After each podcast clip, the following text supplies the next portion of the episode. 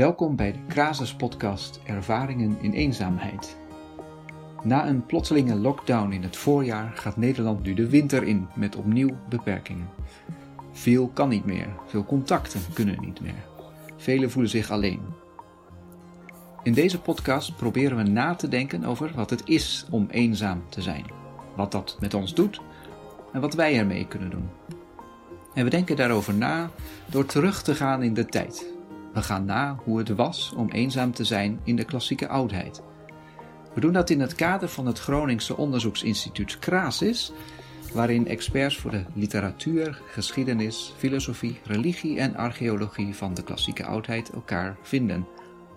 In dit gesprek kijken we naar de eenzaamheid die je kunt ervaren als je verbannen bent. Iets wat niet eens zo zeldzaam is in onze bronnen over de oudheid.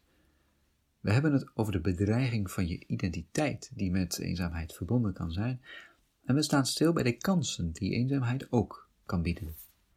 Mijn naam is Albert Joosen, docent antieke filosofie. Vandaag spreek ik met Leanne Jansen. Zij is promovenda Latijnse literatuur aan de Universiteit Leiden. Welkom, Leanne. Dank je. In onze teksten uit de oudheid komt eenzaamheid nogal eens aan bod wanneer iemand uit zijn stad wordt verbannen en dus in ballingschap leeft. En dat is onder andere ook de bekende politicus en filosoof Cicero overkomen. Leanne, jij kijkt in jouw onderzoek naar wat mensen over Cicero schrijven. Zou jij de situatie van Cicero's ballingschap eens kunnen schetsen? Ja, nou, dat was een best ingewikkelde situatie. Cicero had namelijk te maken in de Romeinse politiek met een aantal mannen die een stuk machtiger waren dan hem. En hij had een paar van die mannen boos gemaakt, in dit geval Pompeius en Caesar, en Pompeius en Caesar hadden bedacht dat Cicero het veld moest ruimen. En nou ja, het komt erop neer dat Cicero uiteindelijk in vrijwillig ballingschap gaat in Griekenland, in Macedonië. Hij zit dan in Thessaloniki, een stad die nog steeds bestaat. En zodra hij daar zit, wordt er dan ook een wet uitgevaardigd die uh, maakt dat hij absoluut niet meer terug kan. En dat hij op 600 kilometer van Rome moet verblijven totdat hij weer gratie krijgt. Ja, en onder andere is een auteur waar jij naar kijkt, is uh, Cassius Dio, die daar dan over vertelt. Dat is dan een historicus die weer wat later dan, dan Cicero leeft. Is dan wat we, wat we horen in, in zijn tekst, is dat nou Cicero's ervaring? Um, of uh, is het Cassius Dio zijn, heeft hij daar een bedoeling mee om Cicero zo bepaalde ervaringen toe te schrijven, zeg maar? Nou, waarschijnlijk was het een beetje van beide. Cicero heeft een heleboel brieven geschreven, die wij ook nog steeds over hebben. Brieven aan een goede vriend van hem, Atticus. En er zijn een aantal brieven waarin Cicero vanuit Thessaloniki schrijft aan Atticus dat hij het zo zwaar heeft en dat het leven in ballingschap vreselijk is. En dat hij niet meer, eh, nou ja, dat hij eigenlijk geen toekomst meer ziet. Dus dat is de, de ene kant van het verhaal. Dus we weten ook dat Cicero zich eenzaam voelde in ballingschap. De andere kant is dat Cassius Dio zelf ook een senator was in de uh, Romeinse politiek. En dat hij zich waarschijnlijk goed kon inleven in hoe Cicero zich voelde. Cassius Dio had ook wel eens moeilijke periodes doorgemaakt in zijn eigen politieke carrière. Dus het zou kunnen dat hier een, nou ja, een beetje een gemengde ervaring wordt beschreven. Waarin Cassius Dio ook wel zijn eigen ideeën uh, schrijft in ieder geval een ervaring van een, een Romeins, uh, nou wel een hooggesteld iemand in ieder geval. Ja. En, en wat, wat voor een beeld krijgen we daarvan? Wat voor, wat, hoe zou Cicero zich dan gevoeld kunnen hebben? Nou, Cicero voelde zich met name heel ja, treurig. Uh, dat ten eerste. Maar wat hij heel moeilijk vond, was dat hij eigenlijk van zijn eer beroofd was. Dus het voelde voor hem alsof hij niet alleen. Nou, het was erg voor hem dat hij niet alleen uit Rome weg moest en daar al zijn vrienden en zijn normale sociale leven moest achterlaten. Maar hij vond het ook heel moeilijk dat hij geen manieren meer had om erkenning te krijgen van andere mensen. En dat beschrijft hij eigenlijk in zijn brieven ook. Beschrijft hij ook in uh, Cassius Dio als nou ja, historische figuur. Dat hij bang is dat andere mensen hem een loser vinden. En uh, dat hij bang is dat nu zijn hele leven een mislukking is geworden. Uh, nou, hij mist mensen, maar hij mist dan ook de erkenning van, van mensen voor wat hij doet en voor wie hij is. Klopt, ja. Dus dat is ook een stukje van zijn identiteit, die eigenlijk verloren raakt zodra hij uh, alleen in Griekenland zit. Ja, we zeggen uh, in de vergang, uh, voorbije periode ook wel mensen horen zeggen: Ja, ik mis een beetje wie ik, wie ik ben op kantoor. Dat is misschien wel een beetje bij Cicero ook. Het, nou, niet op kantoor natuurlijk, maar hij mist ook een beetje wie hij dan uh, op het forum is. Ja. En, um, maar hij is dan, hij wordt dan, krijgt bezoek, toch? Dus hij, hij is dan blijkbaar niet helemaal alleen. Is niet in, in quarantaine, zeg maar. Nee, dus eigenlijk heeft Cicero het helemaal niet zo slecht. Hij verblijft namelijk in Thessaloniki bij de pretor van de provincie, dus nog een, een generaal of een, leider van de uh, provincie Macedonië. Die heeft hem daar ontvangen en uh, daar mag hij dan een tijdje verblijven. En allerlei Griekse aristocraten, Griekse filosofen, die komen hem bezoeken daar in Thessaloniki en hem eer bewijzen eigenlijk. En dat weten we ook omdat Plutarchus, een uh, biograaf, ietsje eerder dan Cassius Dio leefde. Die beschrijft deze situatie iets uitgebreider dan Cassius Dio doet. Bij Cassius Dio komt er één filosoof op bezoek, een Griekse filosoof. En bij Plutarchus komt er een hele schare filosofen Cicero bezoeken. Maar toch lijkt Cicero zich nog steeds heel erg eenzaam te voelen. Is zoiets gebruikelijk dat je, als je filosoof bent, dat je dan denkt van ik merk dat iemand uh, alleen is, daar ga ik maar eventjes heen. Misschien heb ik daar bijbedoelingen bij, maar is dat, gebeurt dat vaker?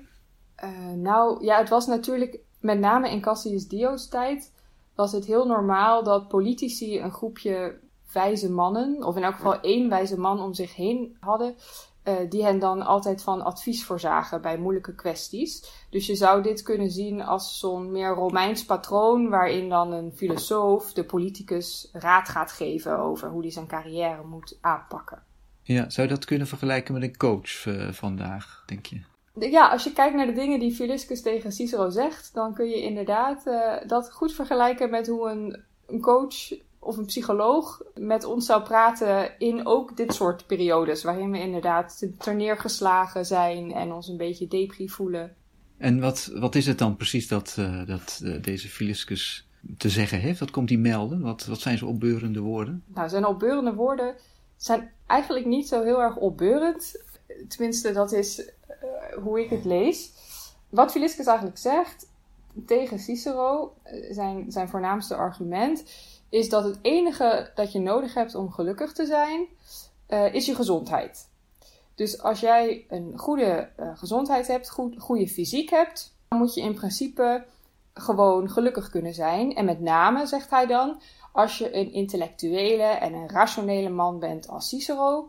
Want dat betekent namelijk dat je de tools hebt om alle uh, verdriet en alle moeilijkheden die je zeg maar mentaal ervaart, om die te kunnen verdragen. En hij snapt ook eigenlijk niet zo goed als Cicero hem dan uitlegt dat hem dat niet lukt. Dus Cicero antwoordt daarop met de woorden: Ja, maar ik voel me gewoon zoals ik me voel. En uh, hoe zou jij je voelen als je beroofd was van je sociale leven, van al je vrienden? En Philiscus, die, ja, die, eigenlijk praten ze een beetje tegen, langs elkaar heen. Uh, want Philiscus pakt dat ook niet op. En die begint vervolgens een heel verhaal over dat de politiek eigenlijk überhaupt geen goede bezigheid is voor een intellectuele man als uh, Cicero. Want uh, Cicero zou eigenlijk zijn tijd moeten besteden aan schrijven. En niet per se aan die stormachtige politieke bezigheden op het forum en al die machtsstrijd in Rome. Dat is helemaal niet goed voor Cicero. Hij moet zich juist focussen op zichzelf en op zijn schrijven. En hij zegt dan op zich ook wel iets moois. Uh, en dat kan ik misschien hier even voorlezen. Hij, een beetje tegen het einde van hun dialoog, van hun gesprek zegt hij dan tegen Cicero: Jij hebt je voldoende in het politieke leven verdiept om het verschil tussen die twee levens, dus tussen het schrijversleven en het politieke leven, te kennen. En om dan het ene te kiezen en het andere af te wijzen. Om het ene te volgen en het andere te ontvluchten. Want, zegt Philiscus, ons leven is kort en je moet het niet volledig voor andere mensen leven. Maar je moet nu ook jezelf iets schudden. En dat is eigenlijk nou ja, een beetje de centrale boodschap die uh, Philiscus aan uh, Cicero mee wil geven. Dat klinkt alsof Philiscus het een heel goed idee vindt, dus dat Cicero nu deze, deze ballingschap heeft, deze eenzaamheid uh, in zekere zin moet doormaken. Sterker nog, Philiscus zegt eigenlijk dat als je echt een grote naam wilt worden, als je onsterfelijkheid wilt verwerven, dan moet je precies dit doen. Dan moet je dus de eenzaamheid opzoeken en dan moet je gaan schrijven. En dat is hoe je de geschiedenis in kunt gaan als, als, als een groot iemand. Dus laat die politiek maar zitten. Ga gewoon schrijven. Dat is eigenlijk wat hij zegt. Hou je bij dat eenzame leven. Eenzaamheid als kans uh, met, het, met het oog op de toekomst. Zeker, ja. Ja, dat is inderdaad een beetje de, de coach, coachingsboodschap die Filiscus uh, hier geeft. Ja, je zei eerder, uh, Filiscus, die intentie is om Cicero daar wijze woorden toe te spreken in zijn eenzaamheid. Klinkt wel een beetje in door dat je denkt dat dat, dat niet succesvol is. is wat weten we van Cicero zijn reactie daarop? De reactie van Cicero is een beetje vreemd. Want Filiscus schetst dus een, ja, eigenlijk een slecht beeld voor hem. Filiscus zegt ook, als je teruggaat naar de politiek, dan ja, dat gaat gewoon slecht aflopen voor jou. Want uh, je, zit nu al in ballingschap, de volgende keer gebeurt er vast iets ergers. Ga nou maar gewoon een uh, afgelegen plekje opzoeken en daar een boek schrijven. En Cassius Dio beschrijft dat vervolgens na dat gesprek Cicero zich toch een beetje beter voelt.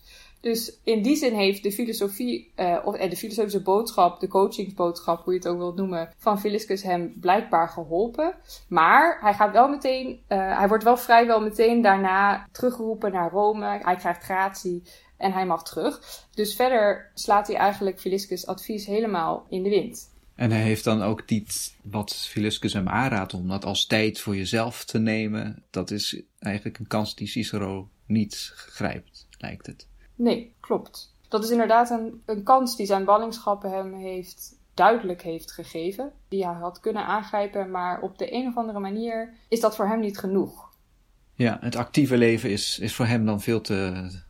op het moment dat de, de, de lockdown voorbij is, zeg maar, keert Cicero terug naar wat hij allemaal in de politiek kan doen voor zijn, voor zijn land. En, en Vind je uh, dat als je zo uh, over Cicero's uh, ballingschap en zijn eenzaamheid leest, vind je dat uiteindelijk, het is natuurlijk een heel andere tijd, andere omstandigheden.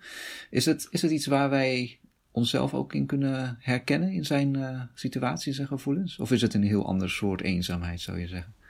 Nou goed, in de eerste instantie zou je natuurlijk zeggen van niet. Kijk, we zitten hier in het jaar 58 voor Christus. Dit is echt lang, lang geleden. Deze mensen leden een heel ander soort leven. Een leven waarin politieke erkenning denk ik ook veel belangrijker was. Of ja, ik noem dat politieke erkenning. Het gaat denk ik ook heel erg om maatschappelijke erkenning. Als je in de politiek bezig was, als je, als je een politicus was, dan had je echt een, een reputatie. En als je dat niet deed, dan, ja, dan stelde je eigenlijk niet zoveel voor. Maar wat ik zelf wel heel erg herken in deze dialoog, en met name omdat we nu zelf allemaal dus inderdaad in die lockdown hebben gezeten, is dat als het maatschappelijk leven zo abrupt wordt afgesloten eigenlijk, en als je sociale leven ineens ophoudt, of niet helemaal ophoudt, maar wel voor een heel groot deel ophoudt, dat je bepaalde idealen niet meer kunt naleven. En iedereen heeft een bepaald beeld van zichzelf in de maatschappij. Hè? Dus iedereen heeft een bepaalde functie, een bepaald doel in zijn leven. En als er zoiets gebeurt als de coronapandemie, dan vallen bepaalde mogelijkheden ineens weg. En dan moet je eigenlijk nieuwe doelen vinden en nieuwe idealen creëren. Misschien op kleinere schaal. Misschien kun je sommige idealen ook wel helemaal niet meer uitvoeren. Uh, en dat is iets wat denk ik ook heel erg voor Cicero speelt in deze periode. En dat is ook waarom hij niet, hij kan niet zomaar zijn leven omgooien. Wat dat betekent dat hij eigenlijk zijn hele identiteit moet veranderen. En ja, dat is heel moeilijk. Dankjewel, Leanne, voor deze blik uit een andere tijd. Graag gedaan. Die uh, misschien ook onze huidige ervaringen van eenzaamheid in een ander licht kunnen zetten. Dankjewel. Voor meer afleveringen van Ervaringen in Eenzaamheid en voor achtergrondinformatie ga naar rug.nl slash met een C.